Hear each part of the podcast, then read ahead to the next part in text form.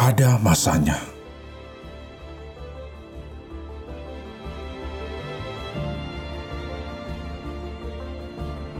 Harus merelakan sesuatu yang kita anggap berharga demi mencapai garis takdir.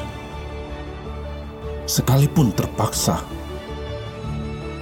saat hari itu tiba, melepaskan adalah pilihan terbaik. Jangan biarkan diri terkungkung perasaan yang ditimbulkan rasa kehilangan dan rasa bersalah.